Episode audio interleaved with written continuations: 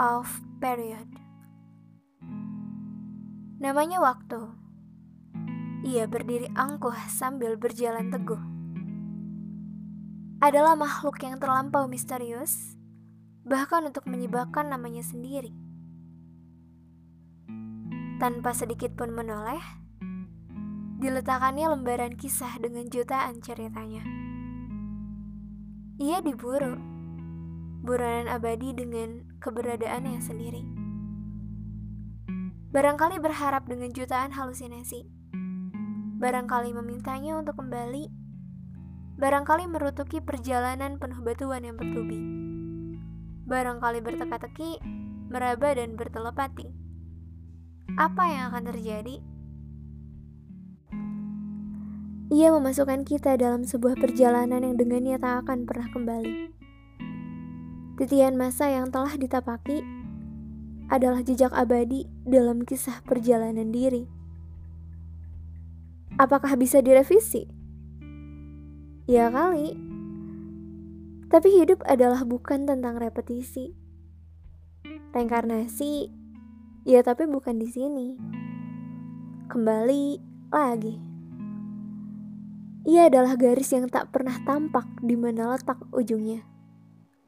Itulah mengapa ia hanya bilang bahwa kita hanya hidup hari ini. Yesterday is history and tomorrow is mystery. Kayak lagu ya. Aku adalah subjek dari kisahku. Kamu adalah subjek dari kisahmu menjadi antagonis atau protagonis atau tirtagonis dalam kisah ini adalah pilihan dalam perwatakan yang dapat dipastikan. Yang jelas, kertas yang tak jelas di mana batasnya ini hanya boleh diisi oleh tinta emas. Bingung gak sih sama kata-kata tadi? Ya, jadi kata-kata itu adalah tulisan yang pernah dibuat waktu lagi ingat waktu. Bahwa hidup ini nyatanya adalah tentang kesendirian. Lahir sendirian, pulang sendirian, ditanya ntar juga sendirian. Yang kembar juga walaupun lahirnya barengan, gak menjamin bakalan pulang barengan tentang waktu yang gak pernah nunggu kita untuk siap. Pasangan sehidup semati aja belum tentu bertahan sampai mati. Tentang teman yang lebih dulu pergi. Orang tua dari salah satu kita yang sudah berpulang.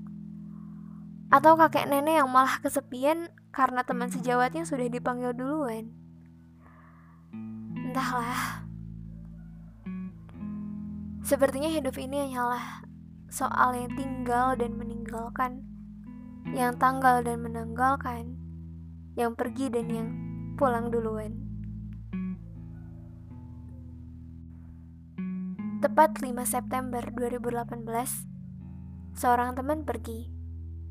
Sambil menundukkan kepala, aku dan teman-teman mengumumkannya saat ekspos KKL tahap 1 selesai. Setahun berlalu, 4 September 2019, Salah satu dari teman angkatan kembali berpulang. Tenang, tidak merepotkan seseorang. Berharap berakhir baik juga mewujudkan cita-citanya yang mulia sebagai orang yang baik-baik. Menjadi guru di desa dan membahagiakan orang tua pada salah satu posan Instagramnya. Tugasnya telah tunai, kita yang belum. Diintai maut tanpa berlagak takut berputar dengan resiko dan dinamika hidup, tapi suka lupa sama tujuan hidup. Dia rindu, dan waktu memanggilnya tanpa rambu. Kadang bertanya, siapa berikutnya? Kenapa dia harus pulang duluan? Seorang teman pernah bilang gini, puncak dari kepastian adalah ketidakpastian. Aku tahu dia mengutip dari seseorang. Tapi kemudian aku bilang, ada yang pasti. Dia tanya, apa? Lalu aku jawab, kematian. Dia kalah telak. Aku nyengir kuda, tapi ngeri sebenarnya. Ingin menampik fakta tapi tak bisa. Memang begitulah adanya. Baiklah, karena kematian adalah sesuatu hal yang pasti terjadi, maka memastikan akan kepantasan dalam setiap langkah dan setiap nafas adalah jalan yang mesti dilakukan. Kita yang berada di ruang tunggu dan nunggu dipanggil, suka dengan percaya diri bilang, besok lagi aja lah ya. Pernah dengar kisah orang yang minta diselamatkan Nabi Sulaiman untuk menghindari Israel? Orang itu sangat ketakutan hingga minta diasingkan ke negeri India. Setelah sampai, eh terciduk juga.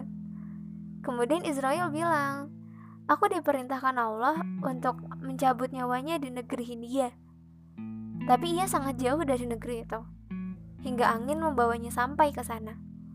Lalu kucabut nyawanya sebagaimana yang telah diperintahkan Allah. Hmm, percuma ya, padahal udah pergi jauh-jauh.